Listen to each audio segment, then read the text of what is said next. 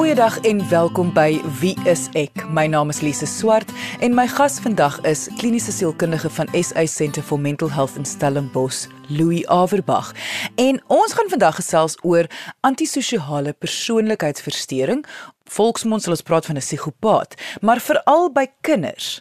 Want meer en meer op sosiale media sien ons artikels met die titel Is my kind 'n psigopaat? Is ek besig om 'n psigopaat groot te maak? Hoe om definitief 'n kind in 'n psigopaat te verander? Mens lees meer en meer hieroor. En natuurlik, ouers het 'n vrees dat hulle dalk iets verkeerd doen, sê ek in aanhalingstekens, wat kan lei tot 'n antisosiale persoonlikheidsversteuring. So ons gaan vandag 'n bietjie oor die feite gesels waarna ouers kan kyk, wat is tekens daarvan en natuurlik wat om dan omtrent dit te doen. Indien jy enige vrae het oor vandag se onderwerp, kan jy ons kontak deur ons webwerf by www.wieisek.co.za ZA. Maar kom ons luister nou eers na my gesprek met kliniese sielkundige Louis Averbag oor is my kind 'n psigopaat? Louis, ek wil eintlik so half begin want ek wonder nou by myself hoe baie tieners of adolessente kan gediagnoseer word of is gediagnoseer met psigopatie wat eintlik tog nou antisosiale persoonlikheidsversteuring is. Uh niemand nie, geen een nie want mens kan nie. dit is so eenvoudig soos dit daardie diagnose word nie gemaak ten minste voor 18 nie en selfs 18 is nog is nog baie jonk. Kyk mens moet onthou dat on, as ons praat van 'n antisosiale persoonlikheidsversteuring wat nou die regte naam is vir psigopatie, nê. Nee, dan praat ons van 'n ding wat in die persoonlikheid sit. En persoonlikheid by adolessente is nog besig om te ontwikkel. As jy mooi dink aan aan waarvan ons hier praat. Ons hier praat hier van hoe jy is. Hoe jy geword het deur die tyd. Het jy geword dat jy antisosiaal optree en dat jy nie daaroor omgee nie. Dit is waarvan ons hier praat. Dit is mos baie onregverdig om hmm. Dit op 'n tiener te plaas want hulle ontwikkel nog.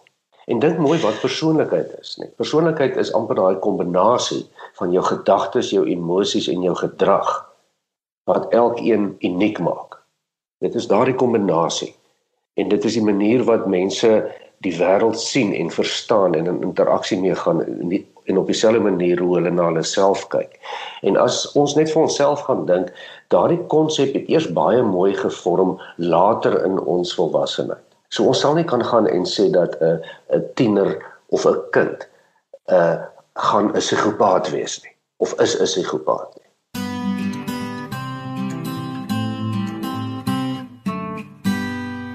Maar Louis, gereeld, soos ek aan die begin gesê het, lees mense op sosiale media artikels met die opskrifte van jy is dalk besig om jou kind 'n psigopaat groot te maak.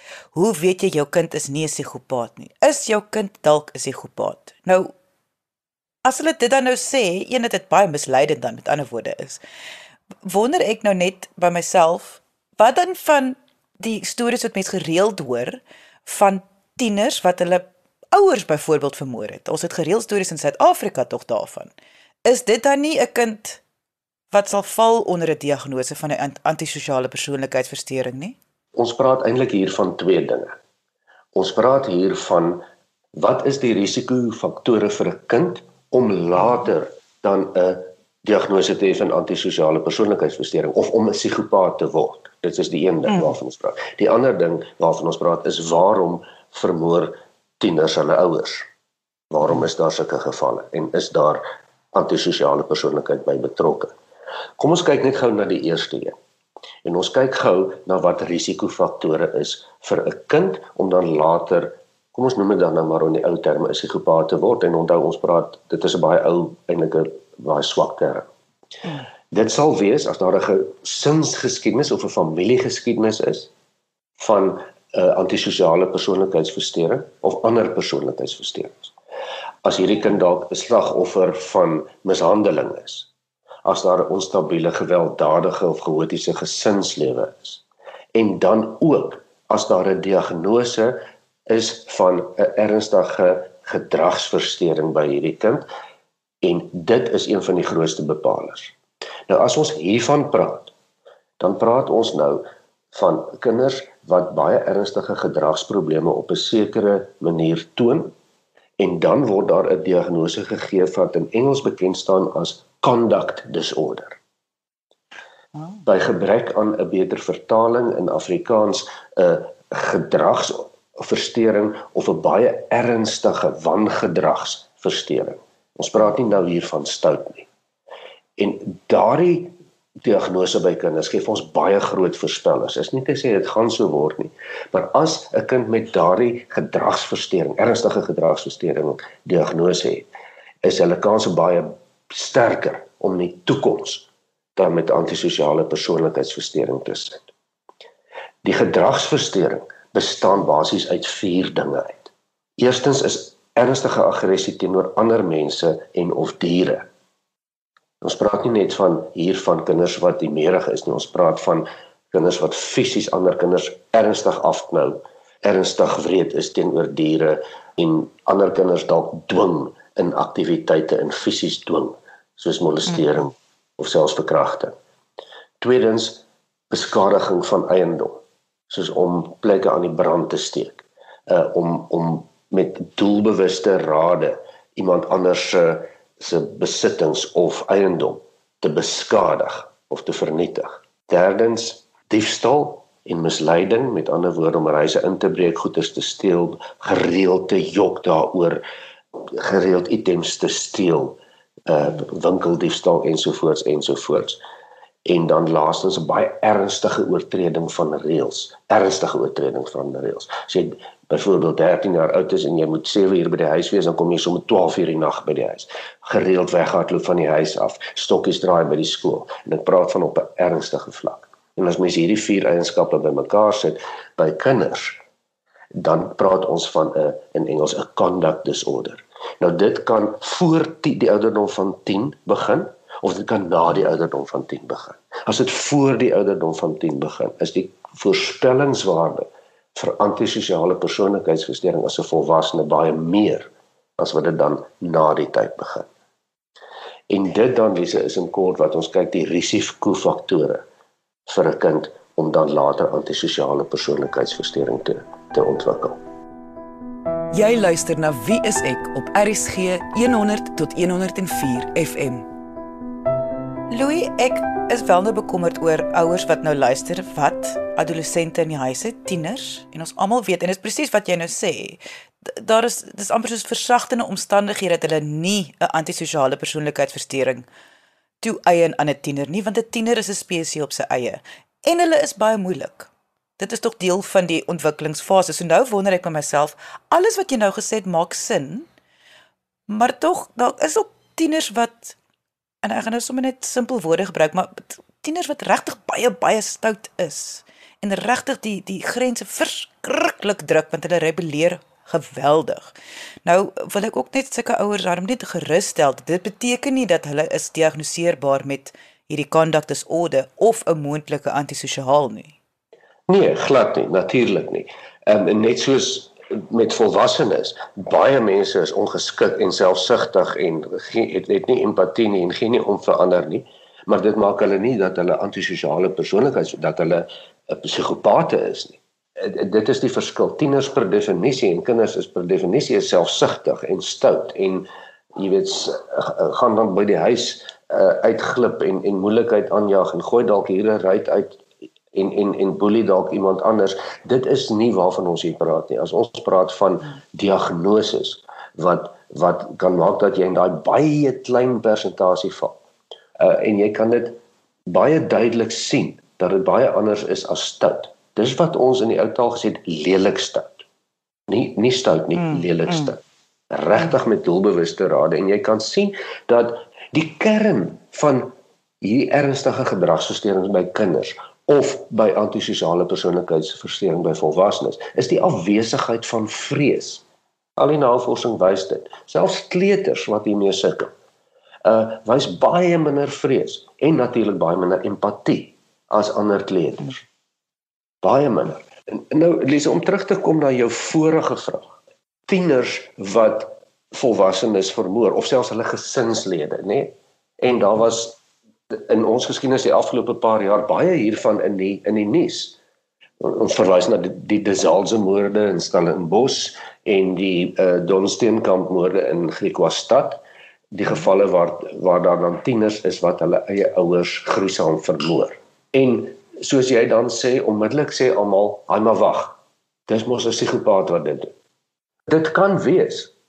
En mens kan daarna gaan kyk as mens wil dat daar 'n groot 'n moontlike antisosiale persoonlikheidsversteuring by 'n die tiener of 'n tiener is wat hulle ouers vermoor. Dit kan so wees, maar dit is nie noodwendig so nie. Daar is baie on ander omstandighede waaronder daardie ding kan gebeur. Maar onthou nou, net omdat die meeste antisosiale persoonlikheidsversteuring of conduct disorder mense nie ander mense vermoor nie, is nie te sê dat dit nie 'n ernstige diagnose is nie. Die kern van daardie diagnose lê in die woord antisosiaal. Dit tree op anti teen die sosiale norme, soveel sodat dit 'n geweldige verstoring is teen die samelewing. Dis teen die samelewing. En die gevolge dan kom dan gewoonlik ook uit in waar daar teen die samelewing opgetree is. Jy kom in die moeilike tronkstraf, 'n uh, eh, skorsing van skole ensovoorts ensovoorts. Indien jy nou eens inskakel, sal jy nou al weet dat daar bestaan nie 'n diagnose van antisosiale persoonlikheidsversteuring wanneer dit kom by kinders of tieners nie. Maar om dit beter te verstaan, gaan luister gerus na die eerste helfte van vandag se episode. Jy kan die pot gooi, gaan luister op RSG se webwerf by rsg.co.za, klik op pot gooi. Voor jou gaan die alfabet verskyn, gaan na W vir wie is ek en dan kan jy luister na vandag se episode of enige ander episode wat al uitgesaai is hier op RSG. Maar kom ons luister nou eers verder na my gesprek met kliniese sielkundige van Stellenbosch Louis Averbag oor antisosiale persoonlikheidsversteuring by spesifiek kinders. Louis aan die einde van die eerste helfte het jy vir ons verduidelik dat kinders wat dan nou hierdie sogenaamde conduct disorder diagnose kry wat potensieel dalk eendag 'n antisosiale persoonlikheidsversteuring diagnose kan kry. Dis ek regtig baie baie moeilike kinders, tieners. Dis die kinders wat regtig in die moeilikheid kom. Nou hierdie bly natuurlik sekerlik een van die mees komplekse diagnoses wat daar is. So mens wil hê ouers moet nou self diagnoseer nie. Indien 'n ouer wel 'n kind het wat regtig baie moeilik is, wat sou jy sê is die stappe om die korrekte diagnose te kry? Ja, jy weet as dit by daardie diagnose kom en dit kom naby daardie diagnose, dan beteken dit ouers het al 'n lang pad van moeilikheid geloop by die skool of by die kleuterskool met ander ouers met met moeilikheid wat die kind aangevang het. En dit kom dan op daardie punt wat hulle oorweeg, maar miskien is hier iets fout met die kind. Dan wil ek regtig vir jou sê, jy het nou al soveel swaar gekry. Gaan nou na mense wat 'n diagnose vir jou kan gee. En en en dit is dan of sielkundiges of psigiaters of in sekere gevalle pediaters wat baie met kinders werk wat vir jou dan kan regtig mooi kyk om vir jou 'n volledige diagnose te gee want as jy in hierdie geval regtig dan 'n volledige diagnose kry dan beteken dit jou benadering gaan anders wees jy gaan moet in 'n in 'n bestuur van hierdie simptome en van hierdie diagnose ingaan eerder as om dit te probeer oplos. Net en dit is nog 'n baie geweldige ding wat ek hier sê. Want hier kom die kern van 'n antisosiale persoonlikheidsversteuring. Jy kan niks veel daaraan doen nie. Hmm. Jy kan dit nie eintlik regkry nie. Nou met kinders, veral en met tieners, hou mens geweldig aan probeer. Jy gaan nie van die veronderstelling af van wag jy gaan dit nie kan uitsorteer of of kan regkom nie. Natuurlik kan dit, nê. Maar dit beweeg dan al klaar as jy praat van 'n 'n conduct disorder, 'n wangedragversteuring na 'n potensiële aanduiding dat dit baie baie moeiliker gaan wees en dat dit al klaar begin deel vorm van die persoonlikheid van die kind eerder as iets wat hy of sy doen. Dit is baie baie moeilik. En dan moet mens maar regtig met 'n span mense saamwerk, die skool, die onderwysers en en en dan moet jy met 'n psigiater, pediater of sielkundige en of 'n kombinasie daarvan saamwerk. Anders gaan jou lewe net aansienlik moeiliker wees.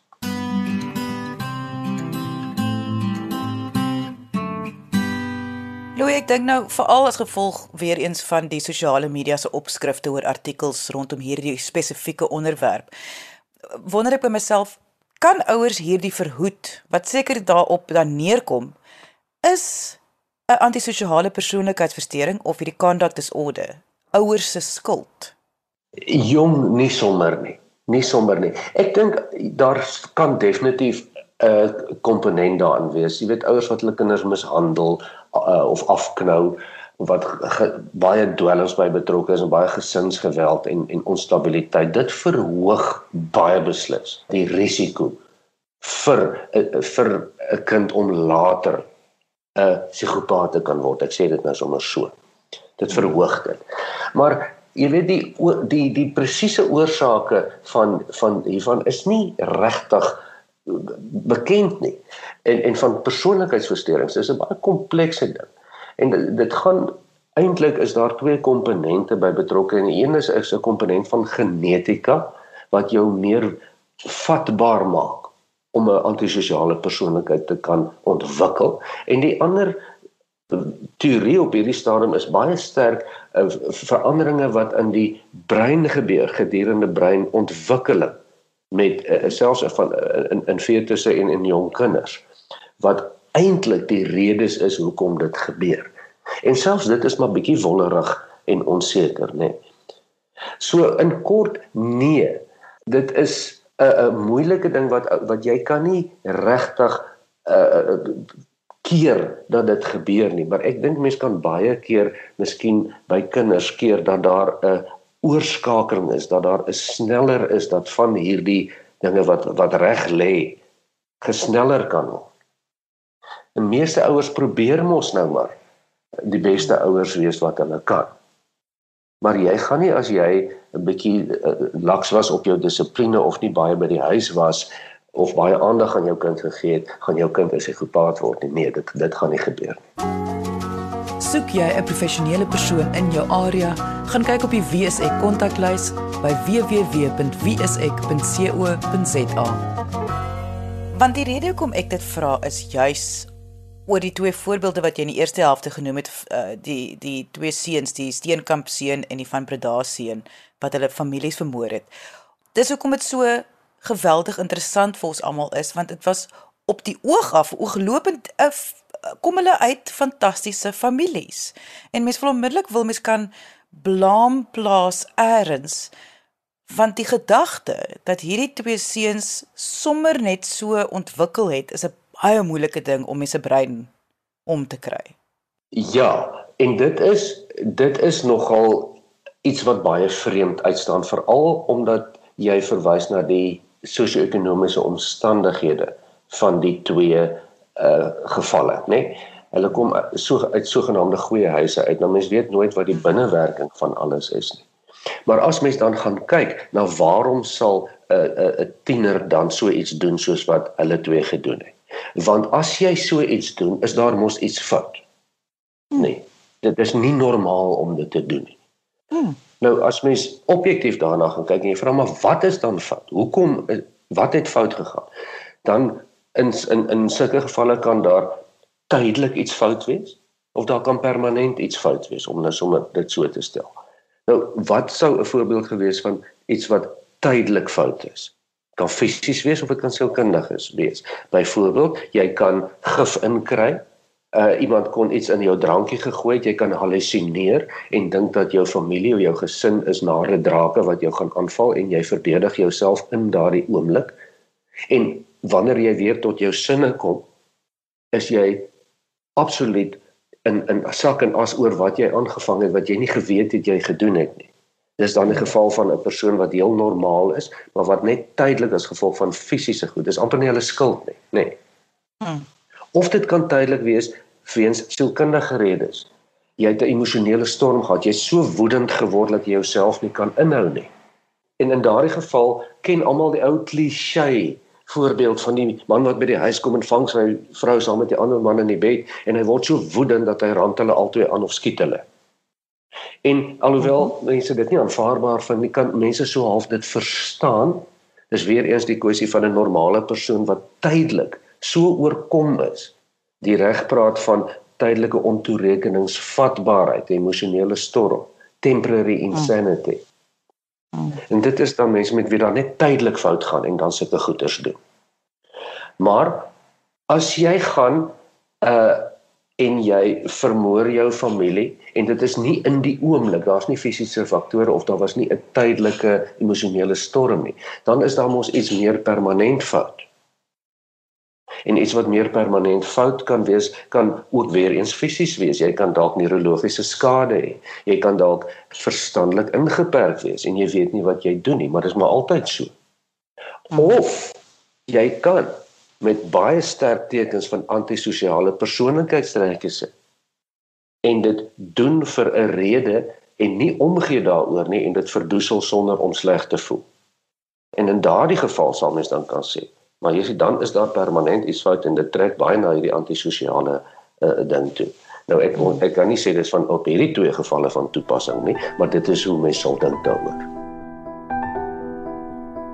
Jy luister na Wie is ek op RSG 100 tot 104 FM. Louis daar gaan natuurlik ouers wees wat hierna luister en daai gevoel, dis 'n gevoel wat mens tog het dat hulle herken iets in hulle eie kinders.